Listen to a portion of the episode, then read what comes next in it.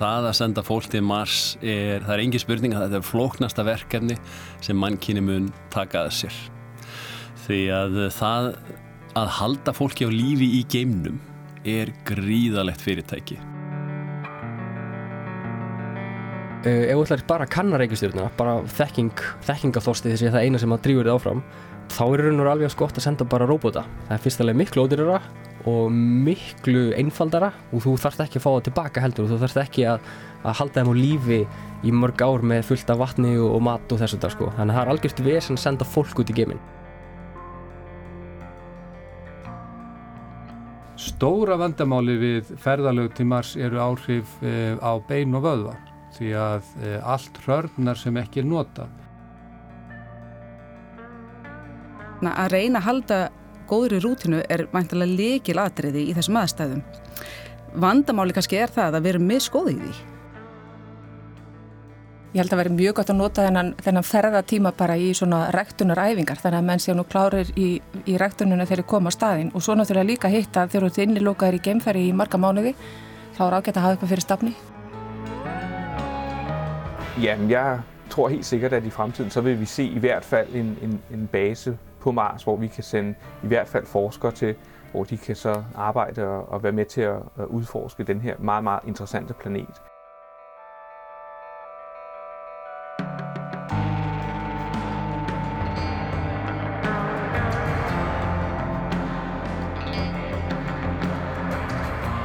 Bandaríska geimferðarstofnunin NASA ætlar eftir 15 til 20 ár að senda menn til Mars.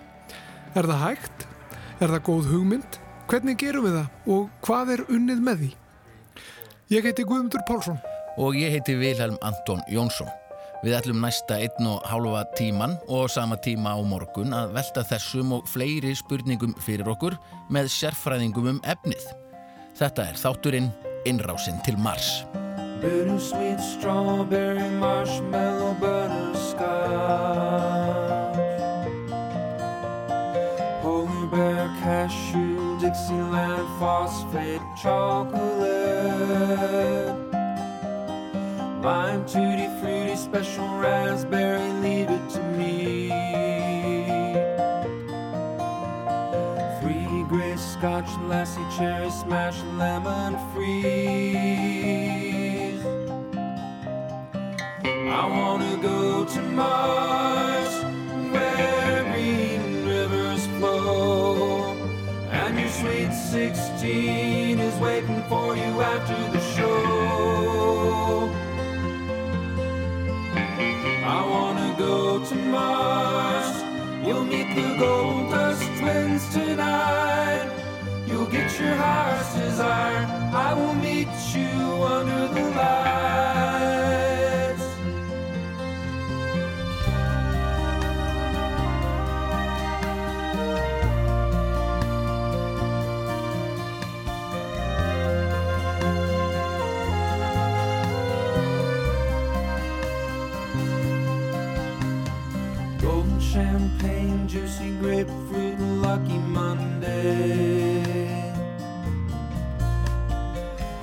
School football, hot fudge, buffalo, tulip Sunday. Almond caramel, frappe,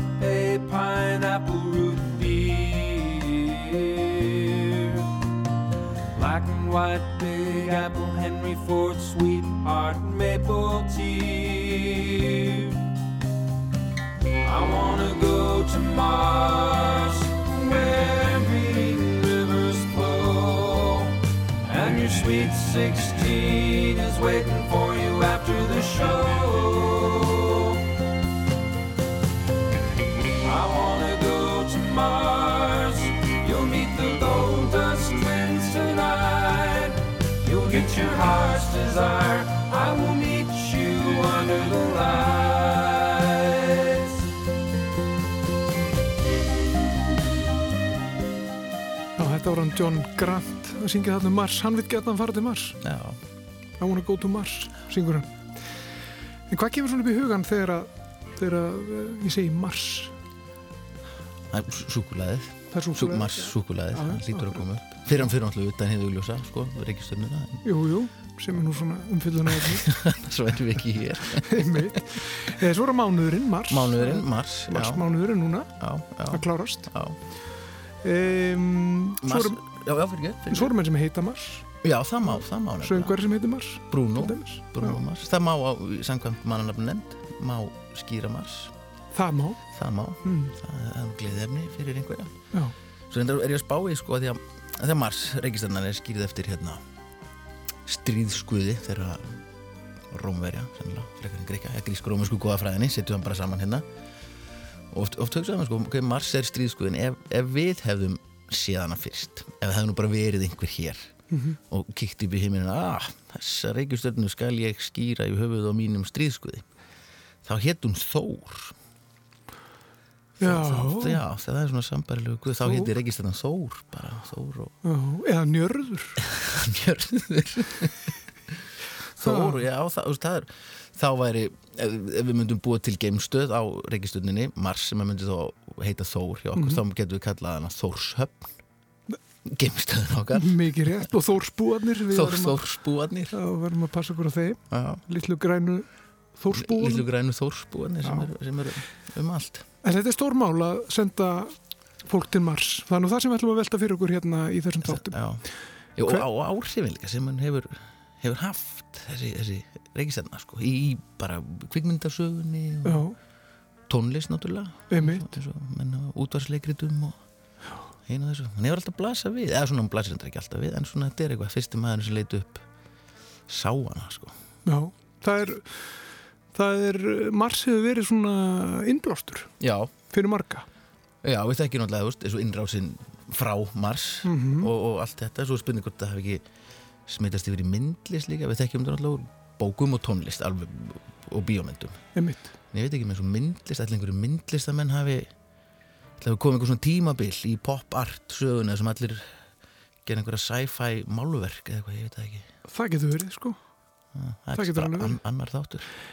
en getið þú bent á Mars ef, ef við ímdum okkur að, að við stöndum nú út í myrkri og, og það verið heiðskýrt Já, svona, já, stundum, en samt sko ekki, ég myndi ekki, við sjáum hann ekki alltaf reyndar sko, en hérna, já, ég, ég er búin að gefa út bókum efnið, Já, ég verð að verð að bent á- segja já. Já, já, ég geti bent á tunglið Já, já, já, það, það, auðveldlega, það er hann einhverstað, einhverstað.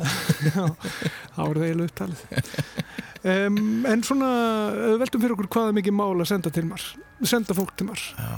hvað, hvað svona hvað þurfum við að gera, hvað þurfum við að hafa? Já, og hvernig veljum við fólkið? Það, hvað, hvern, og hvernig byrjar maður? Byrjar Mhm. maður bara á hérna á, ég, ég veit ekki, þú veist, við erum pínlítil reikist, þetta er nú næsta, næsti nágrann okkar sko. Mm og ég veit ekki hvernig byrjar maður að teikna bara, já já, nú ætlum við að, nú ætlum við að fara til Mars, krakkar. Já, við, við, við vitum að við þurfum mjög öfluga uh, eldflög Eldflug, já, til að sigrast á, á bara þingdarkraftinum okkar sko. Já. og þá ertu komin til geim Já, þá er þetta allt einfaldara. þá er það bara langt ferðalega, Það er bara langt og leðilegt ferðalag. er það ekki? Jú. Það að senda fólk til Mars er, það er engin spurning að þetta er flóknasta verkefni sem mannkynni mun taka að sér. Því að það að halda fólki á lífi í geimnum er gríðalegt fyrirtæki. Þetta er Ari Kristinn Jónsson, rektor Háskólans í Reykjavík og hann veit alveg hvað hann er að segja. Hann er með fullt af, fullt af gráðum og ekki, ekki, ekki nóg með það. Hann hefur líka unnið fyrir NASA við það að koma faratækjum til Mars. Já, hversu döfið það? Af skal alveg með til 10, 30. Eitt af því sem að er ennþá eitt að erfiðasta við bara almennt könnun geimsins fyrir okkur hérna í jörðinni er að við búum í svo ofsalega djúpum brunni þingdarafsins og það er alveg ótrúlegt þegar maður sest niður og fyrir að rekna þetta og ég hef, hef gert það að hvaða er stór hluti af orkunni og elsneitinu sem er bara í það að lifta okkur upp úr þessum hérna brunni þingdarafsins sem við erum hérna í jörðinni langstæstu hluti elsneitsins til dæmis fyrir geimfar sem er að fara til Mars fer bara í það að koma það á sporbug um jörðu. Lang, lang, Fyrstu 100 kilometrinir þá bara, bara fyrstu, já, klárar 90% og 90% af restin er bara hérna já.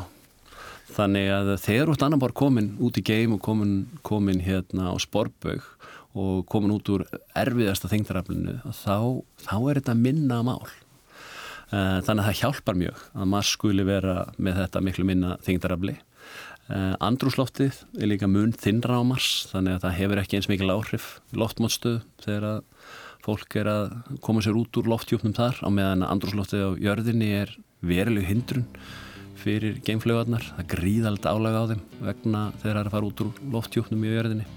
Þannig að það, er, það að komast af yfirborðið Mars aftur er svona alveg viðræðanlegt og í sjálfu sér ekkert, ekkert gríðarlega miklu flóknar heldur þegar við gerðum það sama á tunglinu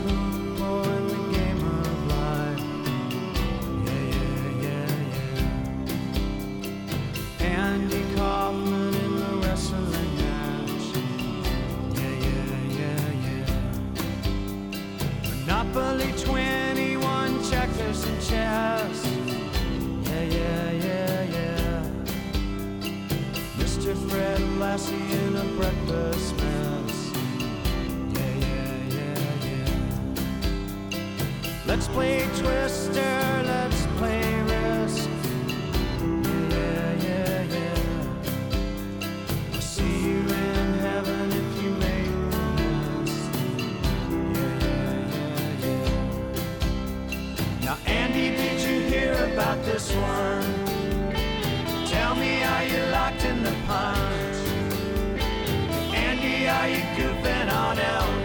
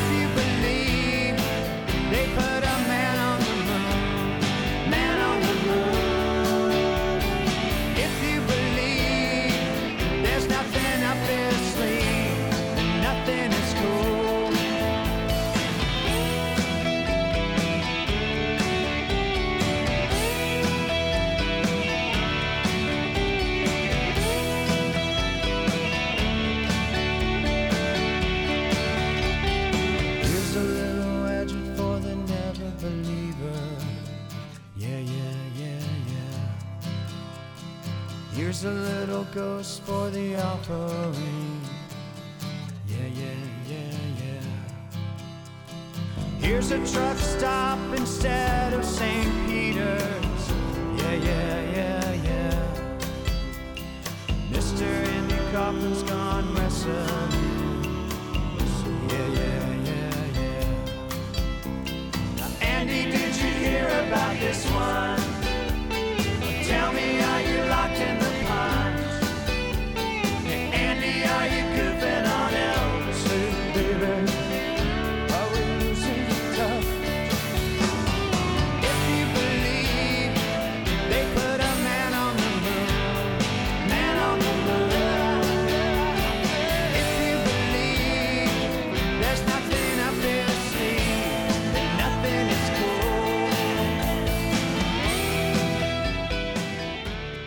Þetta er merkilegt sem hann er að vera að segja.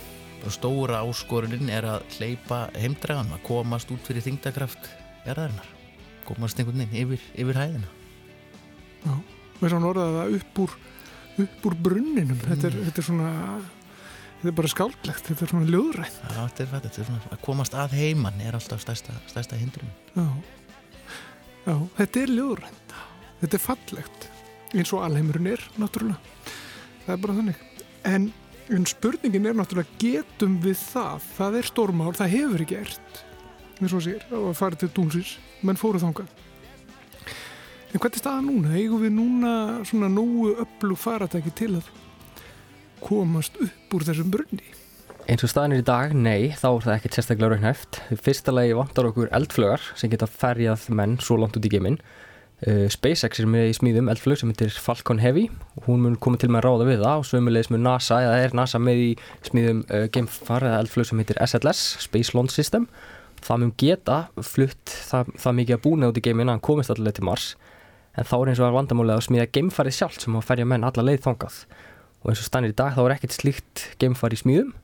Þannig að það er því miður ekki raunhæft svona eins og stannir í dag að menn Mm. farið til Mars næstu 20-30 árin. Æj, Já, þetta er ekki alveg nógu gott, þetta hljómar ekki alveg nógu vel. Nei. En þetta er hann auðvitað hann Sævar Helgi Bragason. Stjörnu Sævar. Sólmyrkva. Sólmyrkva. Sævar. Já, já, sævar okkar, við þekkjum hann nú öll og um, hann sér hefði þetta sé bölvað þessin Já, við eigum ekki nógu öflugar eldflugar. Nei, ekki eins og sækir standa. Það er spurning ef við bara svona, gefum svolítið í og, og, og leggjum allt í það þá er spurning hvort það geti breyst, hvort við getum smíðað svona nógu öflugar eldflugar til, til að komast. Það getur breyst um leið og bara kemur uh, pólitískur áhugi til þess að fara til Mars að þá getur það bara breyst á þessuna morgun. Aha. og það þarf ekki droslega mikið til. Við svona eigum flest alla þá tæknin sem við þurfum til þess að fara til Mars. Það eru ímsir tæknilegir örðuleikar en þá ímsir þröskuldar sem við þurfum að yfirstiga en uh, með samstiltu átæki jafnvel margra þjóða sem er kannski svona raunhafasti möguleikin þá getum við vissulega að fara til Mars á frekastutum tíma Mhm. en það verður skorta áhuga eins og sæki standa því miður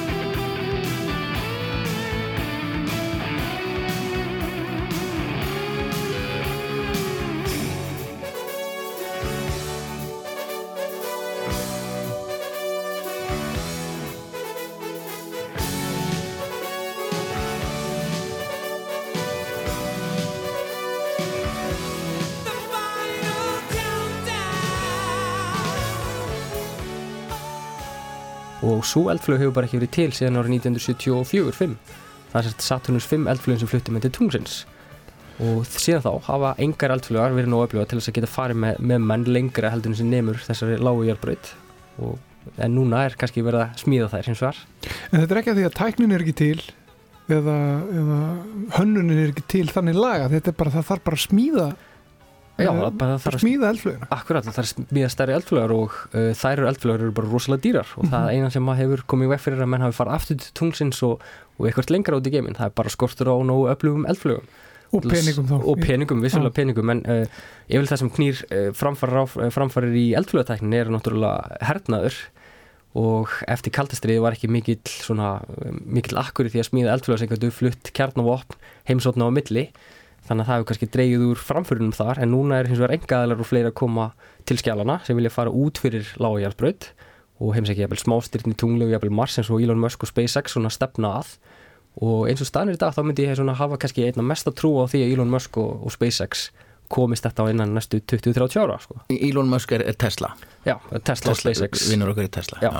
Og byrju En þá er, að- getur næsta gamekaplup er, það þá líklega milli enga eða frekar en stórveldana? Það gæti alveg verið þannig uh, nema kynverjar takir sér til og, og fari allt í að í kaplum til Mars og ef að þeir byrja því þá náttúrulega er nokkuð ljóst hver vinnu það kaplum því þar eru nánast óendanlegar uh, lindir af, af hérna, bæði mannafli og vitsmunum og, og peningum sko. þannig að þeir gæti alveg öruglega árið til dæmis og undan bandaríkjumennu til, til Mars ef þeir vildu það Mm, En hvers eru við bættari með því að koma mönnum á Mars? Eh, Það er náttúrulega alls konar þekking og, og vísindarlega og allt það en, en þegar drifkrafturinn er til dæmis peningar eh, þegar það þarf að keira þetta áfram með peningum hvað er það á Mars sem að menn sækjast eftir? Uh, það fyrir eftir hvað ætlar að gera sko. uh, ef ætlar bara að kanna reikistjórnuna bara þekking, þekkingaþorsti þessi það eina sem að drífur þið áfram þá er raun og alveg skott að senda bara róbota það er fyrstulega miklu ódýrara og miklu einfaldara og þú þarfst ekki að fá það tilbaka heldur. Og þú þarfst ekki að, að halda þeim á lífi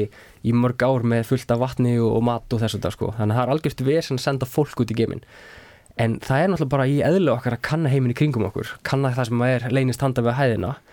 Og ef við viljum nú koma veg fyrir að það fari fyrir okkur eins og 99,9% af öllum öðrum dýrategundum á jörðinni að þá er best fyrir okkur að reyðra um okkur og fleiri hnöttum heldur um bara jörðinni.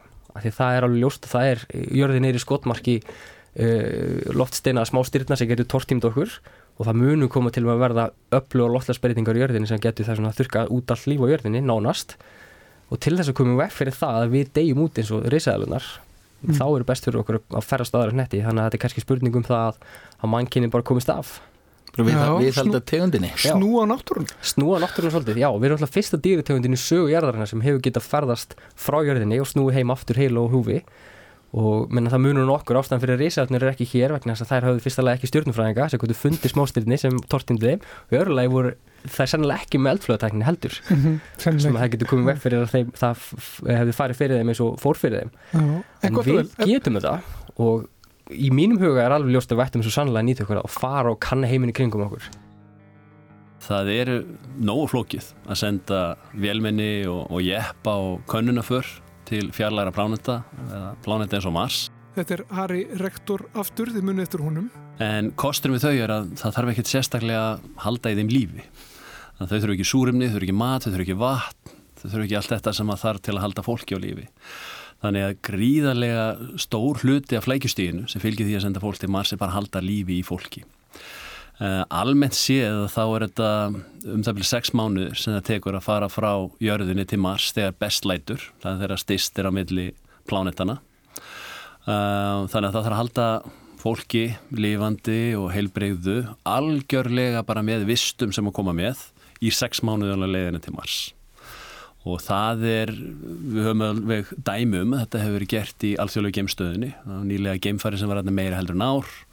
Í gamla daga voru rúsanir alltaf að keppa við hvað þið getur geimt fólk lengi upp í sinni geimstöð mýr og uh, þeir auðvitað voru ekkert endilega að splæsa neinum lúksus á liðið. En þar gætt fólk alveg verið meira heldur en ár. Þannig að sko það er alveg hægt tæknilega séð. En þarna þarf það að koma einhverjum hóp í geimfæri sem eru á stærði við geimstöð allarleginn til Mars og láta þau lifa í, í sex mánuði. En svo þurfum þau þetta að lenda á Mars og það er ekkert alveg hlaupið að því. Það er svona, það þarf heilmikla tækni til að lenda öruglega á Mars en við vitum svona um þau hvernig ég gera það með fallímum og, og, og hérna eldflögum um, þá þurfum við síðan að lifa á Mars í einhvern tíma til að framkvæma rannsókninar sem á að gera. En þar aðeins einfaldast málið því að það er möguleiki að senda vistirnar á undan eða jafnvel að búa til hluta af vistónum og eldsneitinu sem, sem að þar til á Mars áður en fólki kemur. Þegar ég var að vinna hjá NASA í, í, í gamla daga að þá var þetta hluti af, við vorum að vinna að Mars könnun og þannig að þetta var svona hluti af því sem vorum að horfa til og eitt af því sem var á dagskrana að gera, laungu áður en að er þið sendt mannfólk til Mars var að senda tækni til Mars sem getur færið að framlega súrefni og eldsneiti eins og metan sem að síðan er því annars vegar súrefni til að lifa af og hins vegar eldsneiti sem þyrti til að komast tilbaka til jarðar.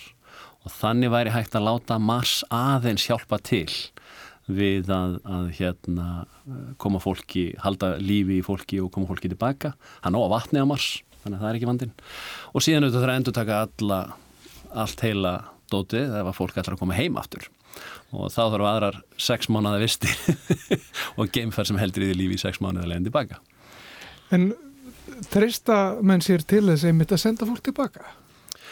Sko það er mísjönd hvernig fólk er að hugsa þetta og við sjáum uh, tvær mjög ólíka nálganir sem er í gangi núna. Það eru enga aðilar sem að kenna sig við Mars One sem að er að horfa þetta og hafa auglist eftir sjálfbóðaliðum sem að færi þá bara aðra leiðina og það verðist ekki verið neitt skortur af fólki sem er til í að fara svona í ævintýri. Það var eitthvað hundruð þúsundum manna sem að sótu þannig að eh, svona með það að gera að finna fólk sem er til í að fara þessa leið þá er þetta það mikið ævintýri, þau eru tilbúin að gera þetta.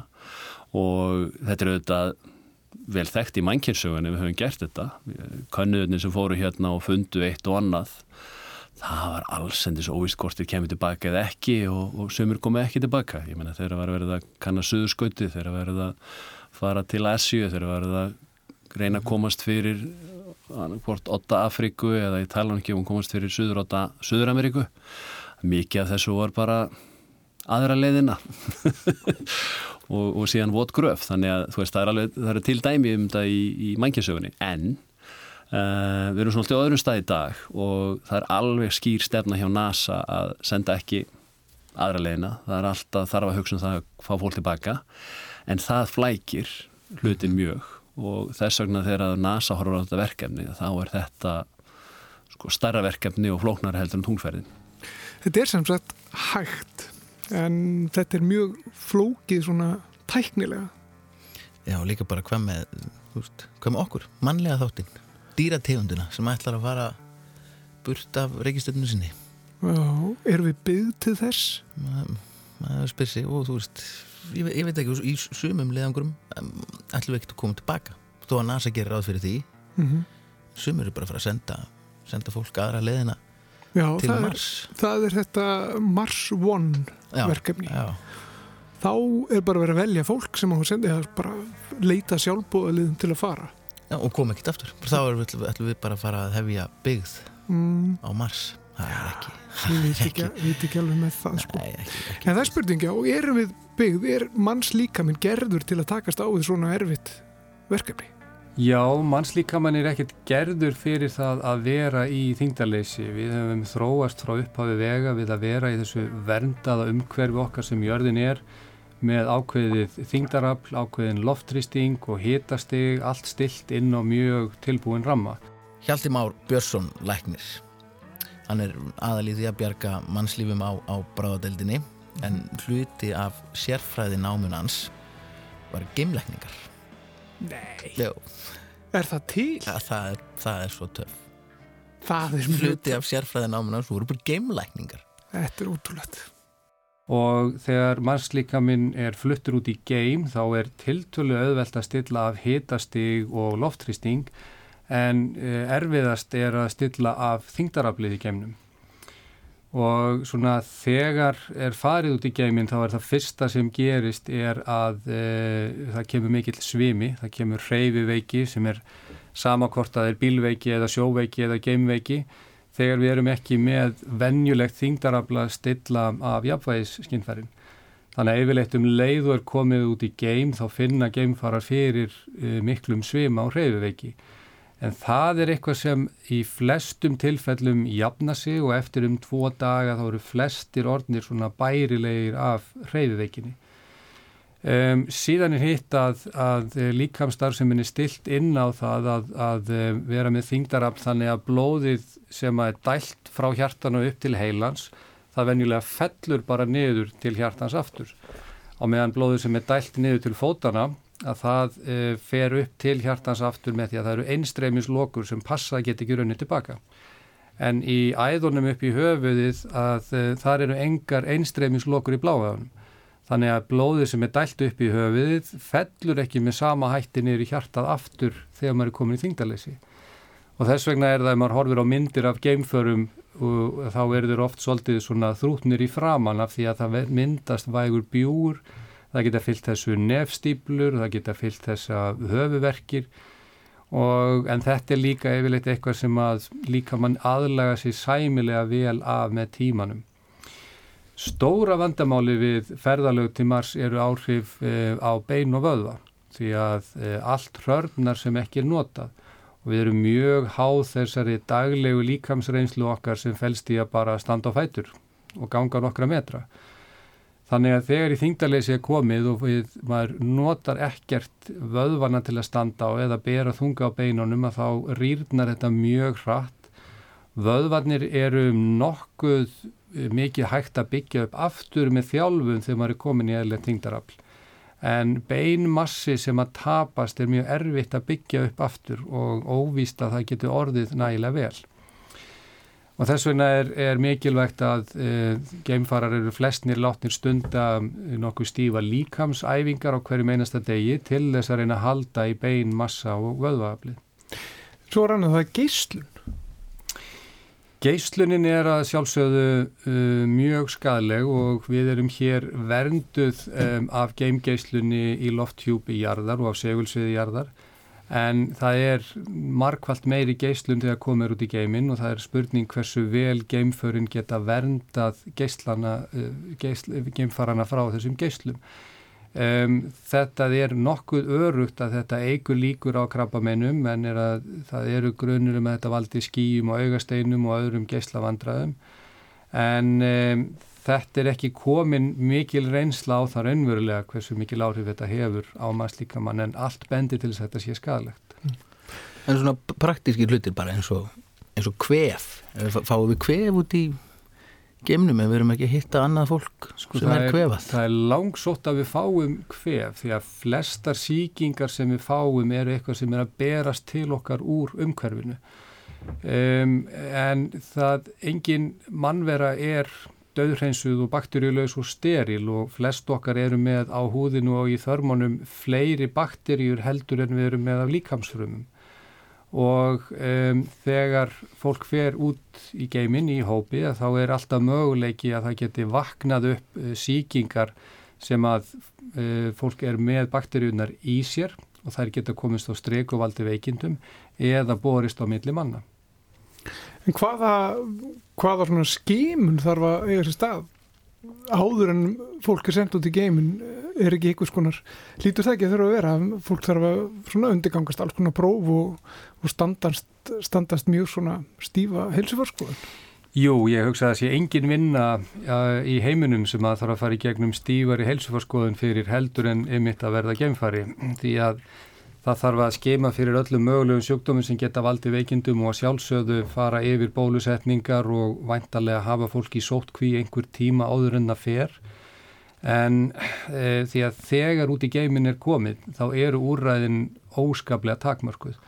Það hafa verið reynd að gera skurðagerðir á dýrum út í geimnum og það er hægt að gera það en þetta er allt spurningum rétt að búnaðinn og færnina til þess að gera það og að hafa síðan öll möguleg liv sem að geti þurft að bregðast við. Somewhere up above the stars The wreckage of a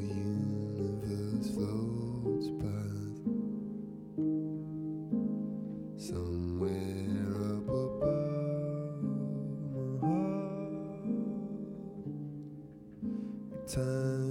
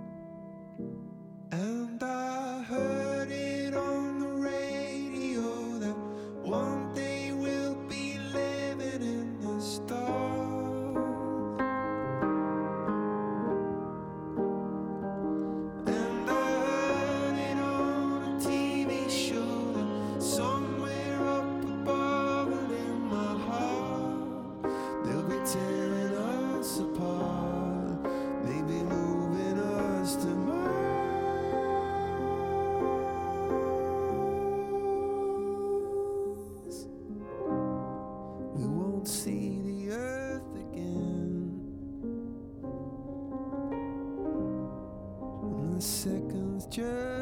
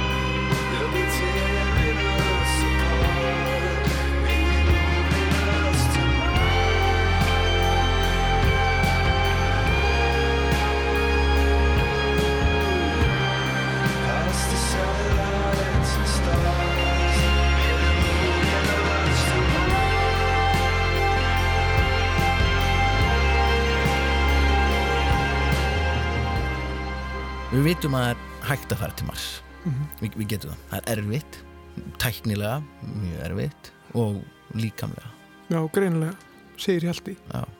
og við Við trúum trúum honum Já. hann, hann veit þetta, hann kann þetta hann lærði þetta Já, En það er spurning með, með hausinn, mm með andlega hlutan af þessu. Um, maður svona ímynda sér að það séu margar áskorunir þar. Já, við, verum, við, værum þá bara lesti saman Aha.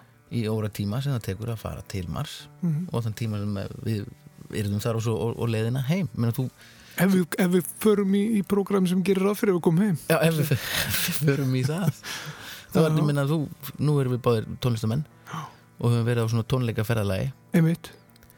það þarf ekkert mikið að koma upp á í rútu á löngum tíma svo að verði einhver svona núningur og, og áreikstrar Nei, það er sama hvað rútan er stór. það er sama stór Það er bara þannig. Nei, og í þessu tilfelli þá náttúrulega þarf, þarf maður að velta fyrir sér, sko, þetta er einangrun Mhm. og þetta er svolítið ein vera þó að þó að það séu kannski 6-8 manns saman að þá, þú veist, þá er þetta bara samt 6-8 manns. Og bara ímynda sér að, að það þurfi nú ekki mikið til að svona geti nú allt Já. farið í abaskýt bara svo við segjum það. það ekki bara segja það bara á mannamáli. Orð, orðið rétt. Já. Ég, þetta er greinlega áskorun, það er alveg klárt mál að hérna, hafa ekkert val við hvernig maður umgengst. Ég meina, það er svona, í okkar mannlega eðli að vilja kynast nýju fólki. Við erum félagsverur en kannski ekki alltaf með sama fólkinu. Já, við köllum sem sagt til alvöru sálfræðing sem hefur rannsakað áhrif einangrunar á fólk, hún hefur meðlans rannsakað fanga og áhrif fangavistar á, á menn. Anna Kristín Newton heitir hún. Það verður að spyrja þessar spurninga. Er ætlun sér skild Ísak Newton, manninu sem uppgötar þingdarlefalið, ég veit ekki er, er, Já, þú meina það. fyrst við erum að tala um Mars og hann er, hann er, Já, að, reikna, hann er að reikna þetta allt út Já, já, hann sem við erum ennþá að nota sko, um Og þetta skiptir kraftana í líkil himninum. máli, hans uppgötun skiptir líkil máli. í þessu stóra samhengi ég veit ekki hvort þau eru skild. Ég veit ekki heldur hvort það skiptir, ég held ekki, þetta var, þetta var bara þú veist, hlustendur hefur bara akkur henduð ekki þessum fimmurinn fyrstu fengur hann í fangið Það er enda rétt. En hlustum aðeins betur á, það sem hún Anna hefur að segja. Það er hann sem merkilegt. Svo ég held að áskorun er náttúrulega bara þessi að sjá fyrir sér hvernig maður getur látið tíma líða og látið mann linda kannski við þess að hérna einstaklinga því það hlýtur að vera reyna mikið á svo félagshefnis þátt. Hvað það varar? Já. Hva, hvað er eitthvað svona ákveðin líkiladrið þegar fólk er í, ef við mögum kalla þetta einangrun Já. sem að við þurfum að hafa í huga Sko það er náttúrulega alveg vitað að það er ákveðin þættir sem skipta mestumáli og það er þetta að geta haldi rútin og reglu hjá sér. Aðalega hvað var að svefnin, að því við verum sveflaus að þá erum við bara mjög illa á okkur komin að takast á við hvers konar erfiðleika eða jáfnvel ekki erfið bara mál sem komu upp, svona dagstæðilega hluti, við þekkjum þetta flest öll. Svo að, hérna, að reyna að halda góðri rútinu er væntalega lekil atriði í þessum aðstæðum. Vandamáli kannski er það að við erum miskóðið í því og þegar að það er engin svona ytri struktúr, dagur, nótt, þau veist, vinna, ekki vinna, að þá reynist það oft mjög nerviðara að halda þessum struktúr og, og þá geta hlutinu farið mjög fljótt úrskeiðis. Man sér það náttúrulega, fólk sem er sveflust bara í stuttan tíma missir oft svona góðara tengingu, svona raunveruleika tengingu og þá geta komið alls konar kvillar upp, alls konar spennandi aðstæður. Og, og undum alveg, alveg klárlega að segja það að þetta ferðalagi er þú, en ég veit ekki, má bara taka svepp, má taka svepptöflur, kvílusmaður eins þá? Ætli þið verði bara svæfðir um borð? Bara, að, að bara í 200 daga? Eða lappi einhver hringin með spröytu bara. Já, það er vitt spurning. Það er náttúrulega, væntalega væri það sniðugt að vera með eitthvað svona melatonín eða eitthvað svona, svona náttúrulegt til að reyna að halda svona náttúrureglu. Ekki að reyna stílina það. Já. en nei, ég, ég held að það sé bara oft á tíðu mjög mikil áskorun að bara halda þessum daglegu hlutum gangandi hvað þá öllu öðru þessi, þessi einverra náttúrulega sem fylgir því. Um, svo er það bara þess hvað gerir mann sem mann leiðist ekki? Þetta er náttúrulega langur tími og, og það er bara svo mikið sem mann getur spjallað. Hvernig kemst maður hjá því að vera bara leiður? Já, já, ég gerir ráð fyrir þau séu ekki með hérna, neti með sér eða eitthvað fyrir leiðist til að Nei, það er eitthvað lítið, það takk En það, er- það er nú hægt að, að jú, senda maður getur er verið á Twitter í smá stund Já, þetta er sísta. En, en, en, um, en hver eru þá áhrifin, sko? Hvað, hvað er það sem getur gerst? Sko það sem við, við sjáum, ef við tökum bara miklu almennar aðstæði þegar fólk er í einangrun, þá er þetta að halda ekki rútinu og að fá ekki svefn. Orsakar það að fólk verði hérna oft svona, já, svona óraunveruleika tengt að það ná, næri ekki að vinna úr upplýsingum nægilega vel eða nægilega, hérna, nægilega skýrum hætti sem verður til þess að það tekur bara oft á tíðum bara vondar ákvarðanir til að mynda. Það verður oft mjög tilfinningalægt eða sumir vera mjög tilfinninganæmir. Svo að þú veist, kvíði og þunglindi og svona vera um, finna fyrir spennu að það eikst erðaleysi náttúrulega sjálfsögðu það er náttúrulega mjög erfiði partur að vera erðalaus í svona litlu og hérna afmarkuðu rými hvað gerir maður við það og allir þessi þætti til samans geta leitt til þess að maður verður náttúrulega uppstökkur til að mynda og maður, maður sér það fyrir sér og við sjáum það hjá fólki sem er í einangrun eftir því sem á líður að þá þarf minna til að það verði bara reitt til að mynda. En hvernig er það best að, að- velja fólk í þetta? Er það hægt? E- eigum eigum við einhver, ég veit ekki, einhver persónuleika próf og eru kannski þeir sem vilja fara ekki akkurat þeir sem, Sem ættu að fara. sem ætti að fara, já, og maður myndi, sko, fyrsta lagi mitt er náttúrulega væntalega munur á því að fara af sjálfstofum eða ekki. Svo að maður vill náttúrulega helst að fólk fari að því þá er það betur undirbúið eða það undirbýr sig betur væntalega, en það er alveg rétt. Þeir sem eru kannski spenntastir fyrir að fara, þeir kannski hafa ekki þessa persónleika sem þarf að hafa gæti maður ímynda sér til að mynda, þú veist að, að hérna að vera, geta verið yfirvegur, að geta verið sjálfur sér nægur, að geta hérna, haldi góður í rútínu og skipulag. Þess þetta er allt svona dættir sem að hérna, maður myndi telja að skipta máli til að lifa þetta af, ef maður getur sagt svona svo. En mæntilega þeir sem vilja fara eru þeir sem eru spennusæknir og, og langar einhverja nýja upplifun og eru félagslindir. Þetta er allt í mínum huga svona eiginleika sem að geta reynst fólki mjög erfitt til hann tíma. ak akkurat það sem að gerir þig æstan í að fara er sennilega það sem að gagnast þér minnst og verður til þess að þú færið ekki að fara. Gæti orðið mjög erfitt, já. Gæti orðið mjög erfitt. En hver, hverjir, hverjir eru hverjir, já, hvað segir maður, hvað, hvað þarf fólk að hafa til að bera svo þessi til í að fara í svona ferð og koma aldrei aftur? Já, það, Það fara að deyja þarna. það er hérna, það er mér komið upp, í huga mér þegar ég var að hugsa þetta leðninga. Ég, eina sem ég dætti í huga væri góði kandidata, væri þeir sem væri síðblindir kannski. En það er kannski svolítið vond að hafa marga síðblinda saman. Það er kannski alltaf að hafa svona einn með í hópnum. En hérna, og sem væri líka kannski ágætt að því að hann myndi væntalega líka taka að sér að stýra allum hinum. Sem að ég geti, sé fyrir mér að gæti verið svolítið atriði. Að því að þegar, að því að það er, fólk er náttúrulega misstert fyrir, þegar það fer að verða einhver svona reyfing á hópnum og einhverjir fara að verða svolítið þungir og aðrir fara að verða svolítið hérna kviðnir og annað slíkt, þá þarf einhver til að hóa hópin saman, svona hópeflis mannin og það er þessi siðblindi, það geti, hann geti reyns vel í Er, það- er það eiginleiki sem er góður? Sumt af því sem einkennir þá sem að við teljum til, til að vera siðblindir gæti reynst mjög vel. Men þetta er fólk sem að, hérna, er sjálfu sér nátt, að það er hérna, stóla bara sjálfansi, að það er mjög gott að taka erfiðar ákvarðanir, svo að út með skinsaman einstakling sem er siðblindur, sem maður getur sagt sem svo, er einhvern sem er með svona góða færni sem ég gerir ráð fyrir að þessir einstaklingar séu með, að þá eru þau kannski færum að taka erfiðar ákvarðanir sem að eflaus kemur upp undir svona kringumstæðum. Og, hérna, og oft er þau með mjög góða félagshefni og svona yfirborðskendir svona að einhverju leiti en það kannski bara dugar vel til að halda hópnum saman sem að hlýtur að vera markmiðið á þessum tíma En þar, þetta er líka svona, ef maður ímynda sér sko, eins og í hernum, þar sem eru bara, mm bara mikil svona skipting á valdi einhvern veginn og menn vita Já. hvert þeirra hlutverk er og þau taka við skipunum og framkama þær og svo framvegis. Akkurat. Það er vantalega mikilvægt þessar kringustæði líka. Ég hefði haldið það og þeir eru kannski sumu eiginleikarnir veist, að, að það þarf, að- en það sem náttúrulega er erfitt ef þau eru margir á sama stað. Það, það verður einhvern veginn og yfirleitt þá velst það hjá okkur það verður svona náttúrulega skiptingin á hópsins að að styrkleikar hvers og eins eru nýttir með sem bestum hætti. Svo það er einhver sem að veist, heldur við velutunum félagslega þátt einhver sem tekur á, stjórn, stjórnar ákvarðanir og annað slíkt. En hérna en það er kannski erfitt að sjá fyrir nákvæmlega hver það verður sem tekur þetta hlutverk að sér hérna í upphafi að því að þegar maður velur fólk væntalega inn, inn í svona verkefni að þá þarf það fyrst og fremst að vilja fara og eins og við segir í, í öðru lagi þá þarf það að hafa einhverja burði til þess að geta tekist á við aðstæðunar en maður veit kannski ekki alveg hvernig þeir byrtast í svona löngu ferðalagi.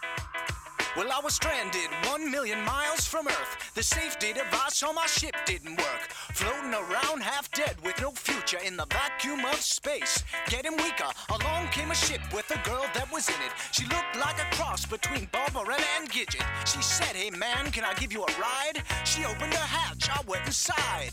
The tears were rolling down my face.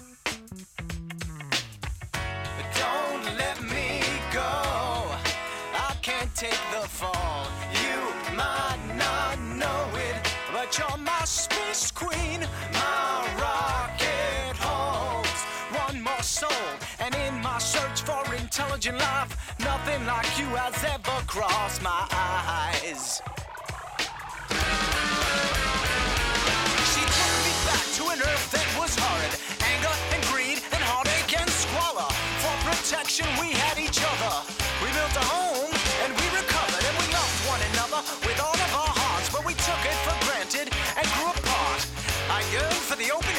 of space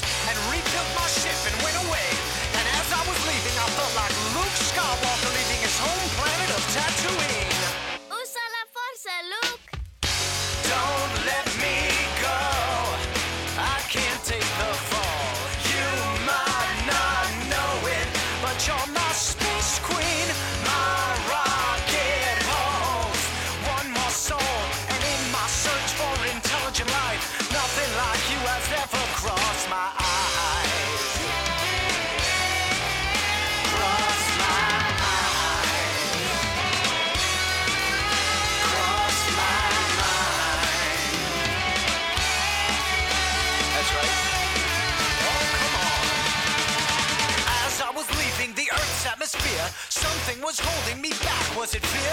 Maybe it was the gravity belt. That's when I learned what it was that I felt. A giant rubber band was attached to me tightly, tied to my leg by the girl that had saved me to make sure I'd return one day. But what she didn't realize is that the rubber band stretched so far that when it snapped me back to Earth,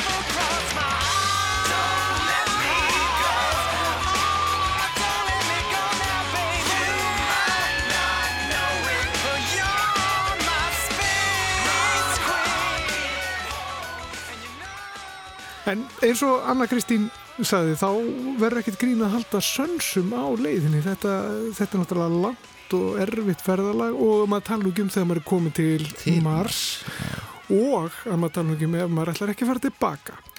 En, en um, já, sumi gerum ráð fyrir að, að, að ætla að vera þarna og, deyja bara Mars. Þetta er, þetta er, þetta er meira átt að mál sko. en, en hvað segir Hjalti Læknir? Hver er stærsta áskorun fyrir mannin við þessar kringumstæður? Félagslega einangrunin, tilbreytingaleysið yrði svo yfirgengilegt og alla rannsóknir og reynslan af öðrum geimförum, af dölum í kafbátum og annað að þá þólir fólk ákveðin tíma. Um, en hluti af því að þrauka er við tímabilir að maður sjá fyrir endan af því. Og ákveðnar hugmyndur um ferðalög til Mars hafa snúist um það að fólk fari þangað með miða aðra leiðina. Og það held ég að verði fljótt erfið tilhugsun og stutt í söknuð um lífin sem er búið að kveðja. Annað sem flækir það er að sko bóð eru svo lengi að berast frá Mars þannig að það er ef að þú sendir talstöðar skilabóða þá erum við að tala um mínútur áður en að bóðin eru komin á enda. Þannig að samtöl við jörðina verða alveg útilókuð. Það er hægt að senda stutt myndskeið með skilabóðum og svo tíu myndum setna færðu myndskeið tilbaka en það verður aldrei hægt að eiga í beinum samtölum og það mun auka á svona andlegu einangrunina sem að mun fylgja þessum fyrstu ferðalögum ef og þegar þetta verður farið. Það er nefnilega það. Mm. Læknirinn og salfræðingurinn eru sammálu um að andli þátturinn sé einna erfiðastur. Já, og það er ekkert skrítið þegar maður veltið fyrir sér, sko. Nei. Held að hitt er eitthvað sem þú getur svo auðvitað reiknað út hvort Einmitt. þú getur gert. Einmitt. Það er svo margar svona óþekktar breytur við okkar Já. dýrategund. Já, og manns hugurinn og manns heilin er svolítið svona Já, Já, svona- við vitum ekki alveg Nei, hvað getur gerst. Kannski er þetta bara svona sama brjálaði í okkur sem er að reyna að komast ánga sem verður okkur svo að falli á leiðinni sko. Er bara það sem getur gerst sko. En svo er einn spurning sem að við þurfum að fá svar við sko. Af hverju viljum við endilega vera að fara til Mars? Af hverju förum við ekki bara eitthvað, eitthvað annað sem að... Saturnur, einhverja tungla. Saturnusar sko. það er alveg Eða bara til tungsins. Okkar. Af hverju förum við ekki þangað? Fyrsta leið náttúrulega tungli er algjörlega lífsnöytt og það er ekkert svo sjálfur sér áhugavert þar annað heldur en jarðfræði og á tunglunum getur reynda reynst uh, getur reynda fundið hérna grjót sem er kannski 4,5 miljardar ára gamalt frá jörðinni, svona uppafstíma jarðaran eða leifa frá áraugsturinn sem mynd, uh, tortímdi risaðalunum. Þannig að það er margt rúslega áhugavert á tunglinu en það er miklu meira áhugavert á Mars og Mars er svona náttúrulega miklu meiri staður þar að leiði. Það er með smá lofttjúp sem geti hjálpað okkur og við gætum stopna nýlendu miklu frekar á Mars heldur en tunglinu og getum breytt Mars í, í, í hnött sem geti líkst jörðina einhvern hátt í, í framtíðinni. Auk þess er miklu öðuldar að fara til Mars heldur en til dæmis til Venusar, þar sem hitasteg og yfirbúru Venusar er svona 480 stig sko, þannig að við getum aldrei verið þar. Uh, tungl, Saturnusar og Júpiters, það eru bara einfallega langt í burtu. Þar fyrir utan eru tunglin inn í rosalega miklu geislunusveiði, þar sem að hérna, líf bara krænlega gæti ekki þrifist allavega ekki á yfirborði tunglana sjálfura það er líka rosalega langt í burtu og það þurfti mjög stóra sólaraflöður þannig að Mars er bara svona næsti nágrunn okkur og það er miklu öldar að skjótast yfir næsta garð heldur en yfir í næsta, næstu borg sem er mjög langt í burtu þannig að það er raun og kannski ástæðan Nú hefur verið talað um uh, að tunglið getur verið einhvers konar svona miðstöð. Já. Uh, Geimferða, ef við getum sett það þannig. Uh, af hverju það og, og hvernig myndi það þá virka og myndi, getið það gagnast á ferðalum til Mars? Já, sumi vilja meina það, aðri vilja meina að þetta sé bara hindrun og reynur tafir og vegfæru okkar til Mars. Þannig að það er svona skipta skoðanir. Uh, tungli geti gent í hlut, hlutverki að vera svona, svona stoppistöð til Mars. Og það myndu senda geimfæri til tungsins sem síðan uh, fær auka orku nær í eldsneiti eða eitthvað slíkt þar, þaðan og fer síðan þaðan til Mars. Og þá náttúrulega, það er uh, tiltölu öll að lenda á tungluna þegar engin loftjúpur og sömulegis þá er hægt að ná í uh, orku þar, til dæmis í ís sem er leynast við pólana á tunglinu. Þannig að við getum náði og búið til eldflögu eldsneiti en það getur líka verið rosalega kostnarsamt og ég vil bara hreinlega ódýrir að fara bara til Mars. Þannig að það er svona ýmsir vankantar á þessari hugmynd allavega svona teknilegir örðuleika sem við erum ekki anþá búin að leysa. Mhm. en, en samt sem ára það verður gaman að fara aftur til tunglsins vissulega. Og þá ekki verður nema bara til að rannsaka tungli meira því við vitum óskaplega lítið um tungli í raun og veru. En hvort þetta sé svona stoppistöð og leið til Mars veit ég ekki alveg það verður bara komið ljós í framtíðin held ég Já. She packed my bags last night, pre-flight. zero hour, 9 a.m. And I'm gonna be high as a kite by then.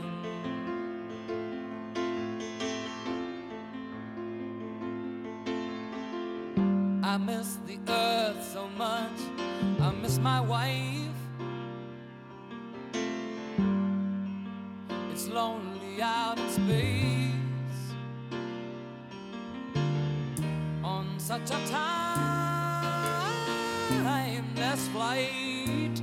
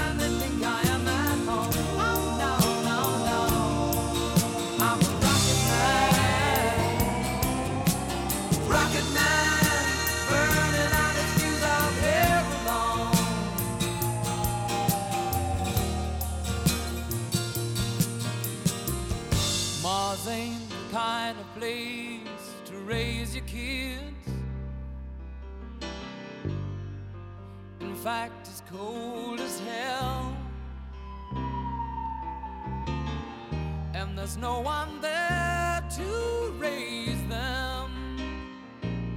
If you did,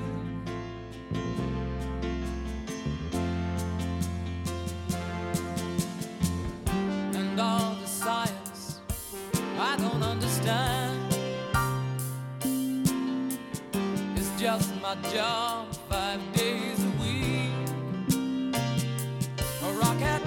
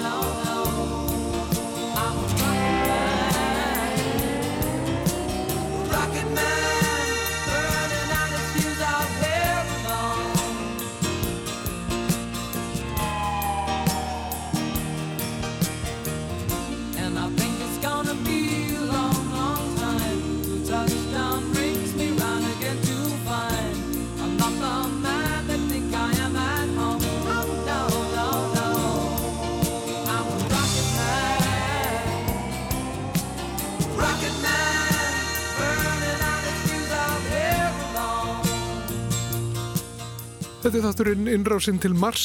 Ég heiti Guðmundur Pálsson. Og ég heiti Vilhelm Anton Jónsson.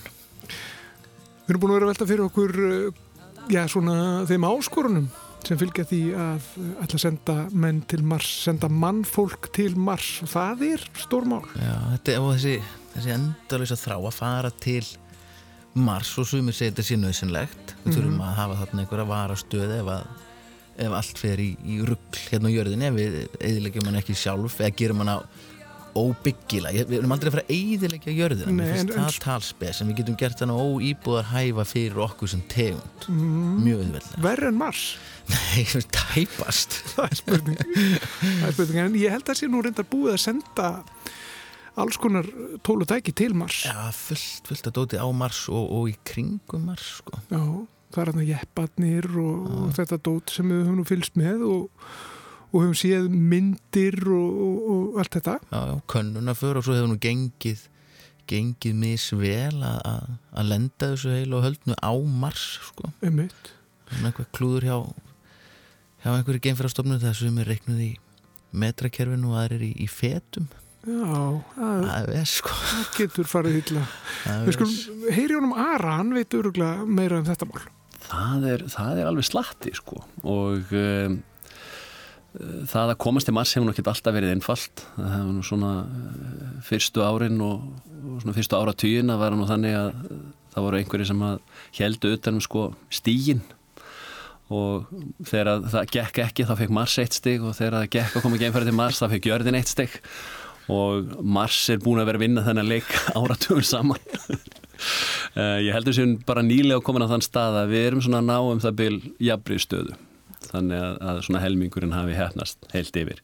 En fyrstu förin sem voru, fóru voru Viking förin sem að lendu á Mars. Og það voru tveir könnuður sem lendu á yfirborði Mars og unnu þar, þeir voru ekki hreyfanleir þannig þau gáttu bara að skoða umhverfið sem var allra allra næst en voru með mælitæki til að reyna að nema uh, lífræn efni til að skoða aðeins samsetninguna á, á yfirborði Mars uh, meta hvernig andrúrslótti væri.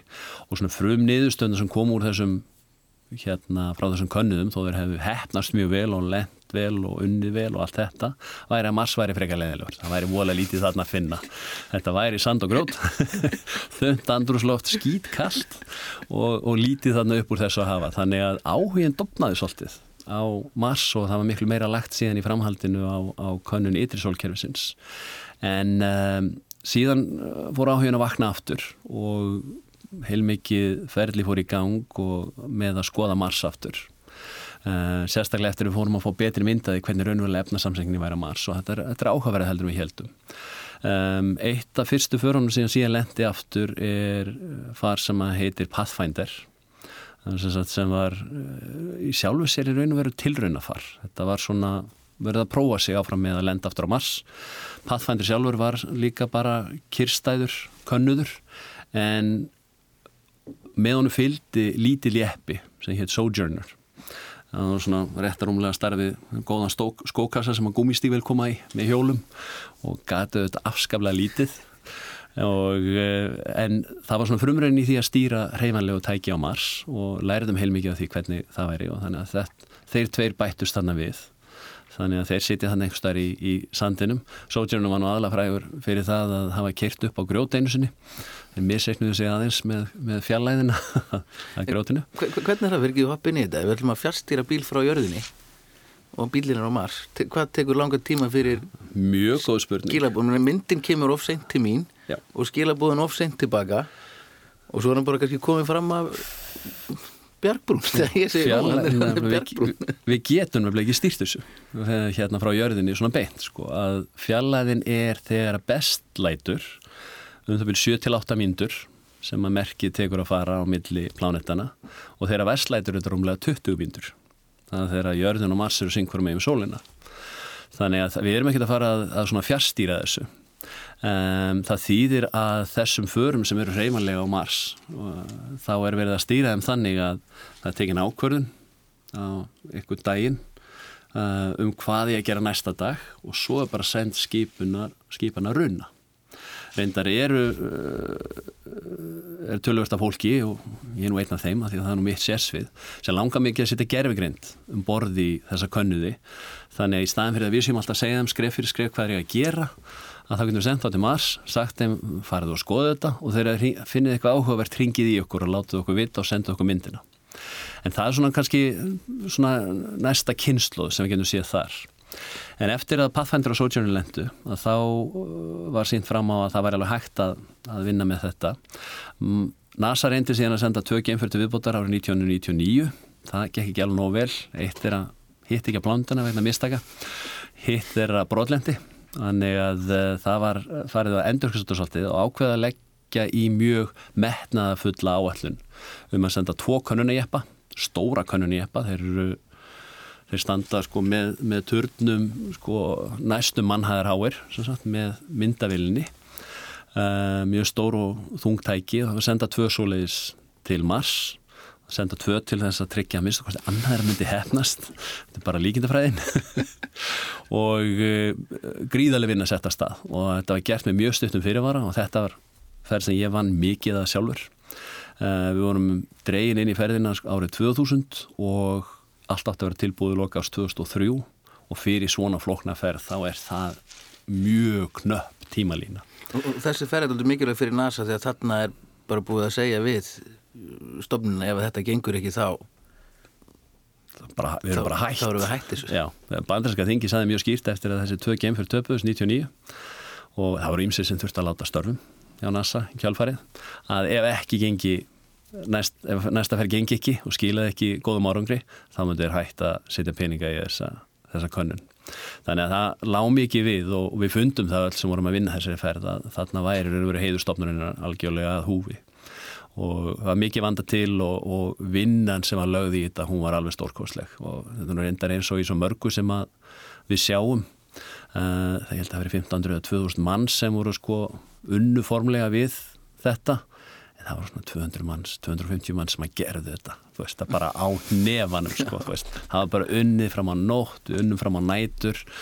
Uh, hérna fór svaf ekki og fólk sá ekki fjölskyldun sína. Það var bara að láta þetta gerast og það tókst og það var mjög eftirminnlegt, ég var að hlusta á, á, á þetta í, í uh, gegnum tölvuna mína, ég var heima eh, með nýfættan eldri soni minn. Og maður hlusta á og sagt vissum að það hefði lent annað farið á Mars. Og svo þurftu bara að býða eftir að það hefði samband. Það er ekkert að gera. Þannig að það setja allir bara að halda niður í sér andanum. Og fólki reiknaðist til að þegar það lendi það hefði sagt það skoppað 1,5 km rúmlega á hann að stannendist og gæti síðan stoppað og farið að hafa samband við okkur. Og þetta var sko, þú veist tauga titringur sem var í gangi. Það var hræðilegur. Og öskrin sem að heyrðust úr stjórnsalnum þegar, að, þegar fyrsta merki kom, það var alveg ólýsanlegt sko. það lág mikið við. En þessar ferði voru gríðarlega vel hefnaðar Eh, bæði þá endust jepparni miklu lengur heldur en átt vona en niðurstöðna sem kom út úr þessu voru líka stórkostlegar. Að það var það er enginn vaf á því að vatn hefur runnið á yfirborðið Mars. Það er tölvert af vatni uh, undir yfirborðinu eins og, og uh, geimfura á sporbögum Mars hafa sínt með litroskreiningum þannig að uh, allar vísbendingur um það að það hafi verið mögulega líf eða jafnvel gæti þrifist frumstætt líf þannig í dag að það er styrtust í þessari ferð. Þannig að þessir jeppar er núna Mars annar er ennþá í gangi hinn er látin Uh, var ekki hægt að hlaða lengur. En, en, en sá, sem er, er enn skröldandi hann er reyndar orðin haldur og, og nærsýtn og, og svona freka beglaður en, en skröldir áfram. Og síðan var uh, í kjálfarið var sendur uh, núna fyrir nokkrum ánum síðan stóri jeppin Curiosity. Og hann var þegar á dagskrá. Við vorum að undirbúa Spirit of Opportunity. Hann er kjarnorku knúin sko, hann á starfi lítinn fólksbíl og lítinn svona golfbíl og er algjört trillitæki Um, kemst næstum hvað sem er er með uh, greini um borð þar sem hann hægt að taka jarðvegsíni og setja inn í tækið og litur og skreina og hann hefur, hann hefur skilað gríðarlega miklum og góðum niðurstöðum þannig til viðbótar til að reyna að hjálpa okkur átt okkur á því hvernig, hvernig Mars er, hvernig hefur þróast og hverju mögulegni sé á lífi. Og uh, þetta er svona tækið núna sem við erum með, tvöður eru ennþá virka við borðið Mars Uh, nei, fyrir ekki, það er eitt tæki sem var sendið viðbútar og það var um, uh, er kallað Phoenix sem er uh, lendi á, á öðrum pólnum og söðupólnum á Mars og verður raun og veru bara ný útgáf af þessu sem brotlendi 99 til að raun og veru að vinna sömu hlutunum. Pólarnir eru góðu stað til að, að kanna hvernig jarðvegurinn er, þar myndast ís þegar að vetur, þegar að vetrar og þetta var hluti af því að svona kanna hvernig, hvernig efnarsamsetningin væri þannig að um, við erum þarna með tvö vækingför, Pathfinder Sojourner, Spirit Opportunity Curiosity og hérna Phoenix sem að tókust og svo erum við rústirnar af Mars Polar Lander og rústirnar af Beagle og sennilega einhversta rústirnar af einu sem átt að fara á sportbög hitt ekki alveg einhver starfið í borinu Do you remember the time when you would go from Mars? I don't know if you knew that. Oh, would stay up late playing cards and you were into and cigars. And she never told me her name. I still love you, the girl from Mars.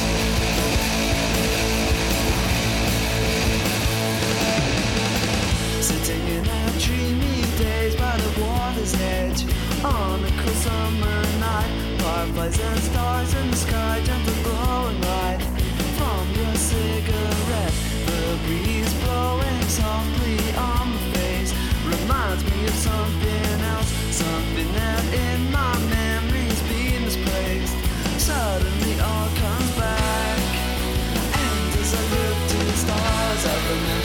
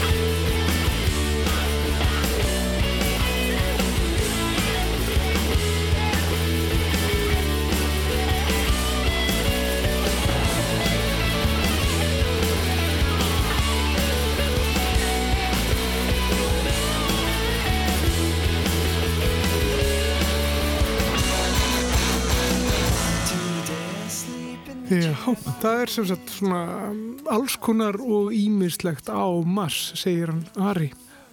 En ekkert ætilegt. Nei, það er verra með það. Það er ekkert, það er ekkert að borða á Mars. Ekki sem við vitum um. En þeir segja þessi ekkert að rækta eitthvað annað.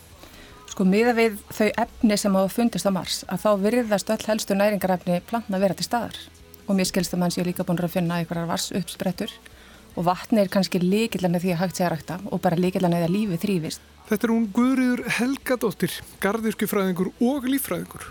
Og hún fullir er að við getum ræktað okkar eigin mat á Mars að hluta að minnstakosti. Ég held að vera mjög gott að nota þennan, þennan ferðatíma bara í svona ræktunaræfingar þannig að menn sé nú klárir í, í ræktununa þegar þeir koma á staðinn og svo náttúrulega líka hitta þegar þú ert innilokaður í geimfæri í marga mánuði þá er ágætt að hafa eitthvað fyrir stafni, ræktablöndur eða sinna þeim en það er kannski takmarkað hægt að undibúa ræktununa sjálfa á Mars. Eh, það er að í raun og vera að byrja svolítið frá grunni þegar þangaði komið.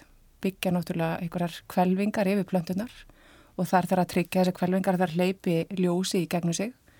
Þar þurfa líka að halda hita á plöntunum og nú náttúrulega erum við kannski ekki með jarðhita á Mars þannig að það þarf að vera einhver leið til þess að hita gróðrúsinu upp til að halda, halda bara hita plöntunum.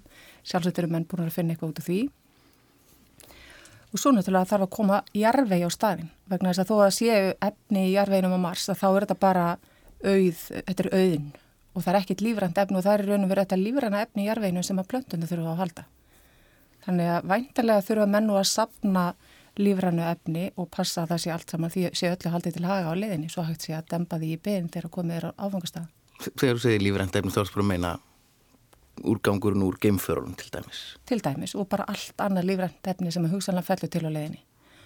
Og segjum okkur að menn eru til dæmis að rækta einhverja plöntur á leiðinni vegna þess að þeir vilja fá ferst salat eða, eða einhverja ferskar plöntur svona í matinn og með þeir eru að ferðast í, í hvað er þetta, nýju mánuður eða svo sem að tekur að fljúa fljúa Já, jú, já. Já, tekur að ferðast frá, frá hérna jörðin til Mars að það geta líka verið einhverja döðarplöntur eða, eða einhver svona önnur efni sem að falla til og það er um að gera halda öllu til haga því að það er allt hægt að, það er að jarðgera þetta allt saman og það er nú aðferði sem við kunnum vel það er að samna lífrana efni og láta það brotna niður og mynda, mynda jarðveg og kosturum við það líka er sá að í öllu þessu lífrana efni, ég tala nú ekki um að við erum að nota afurðna frá gemfurunum að þá er ákveðin eh, svona flóra bakterjum sem eru mjög mikilvægt til þess að brjóta niður lífrana efnið og gera það aðgengilegt fyrir plöntur. Þannig að við þurfum að halda öllu þessu vel til haga og eiga þá svolítið góðan skamt þegar við komum leiranda. Þetta er náttúrulega bara... Kúkur. Já, þetta er Það bara má- það. verður bara að sko, segja bara- það. Já, já. Á, bara- ábyrður bara. Við bara tökum það á okkur að segja það á skýrdag í útvarpið. Já, já.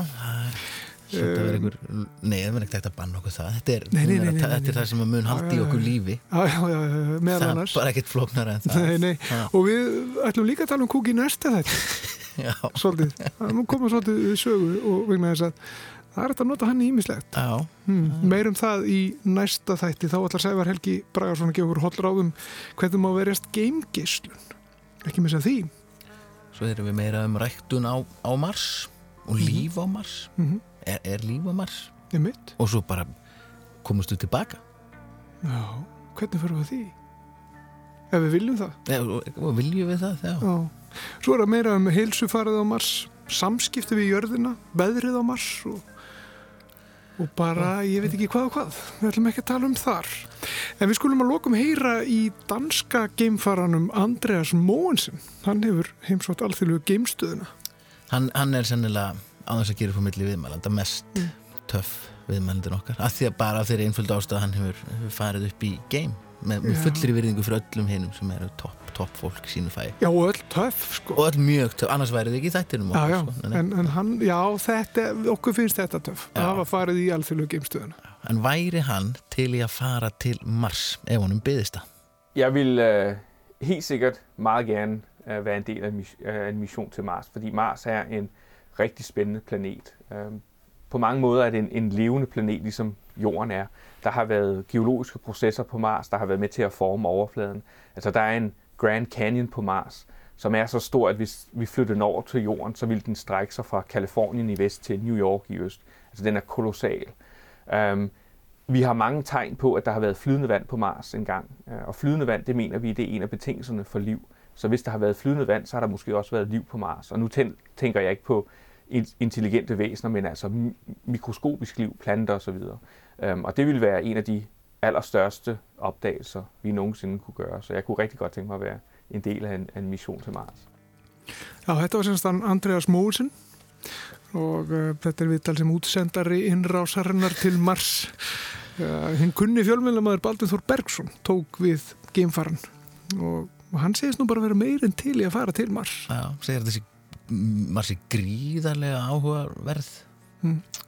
og marganátt lífandi plánenda eins og, eins og jörðin.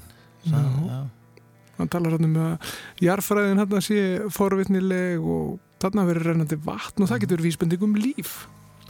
og ef það finnst líf þá lítur það bara að vera stærsta uppgötun allra tíma Ég heiti Guðmundur Pálsson og ég heiti Vilhelm Anton Jónsson og þetta var þátturinn innrásinn til Mars. Ekki missa þættinum á morgun á sama tíma. Fleirar ekki í þættunum að sinni veriði sæl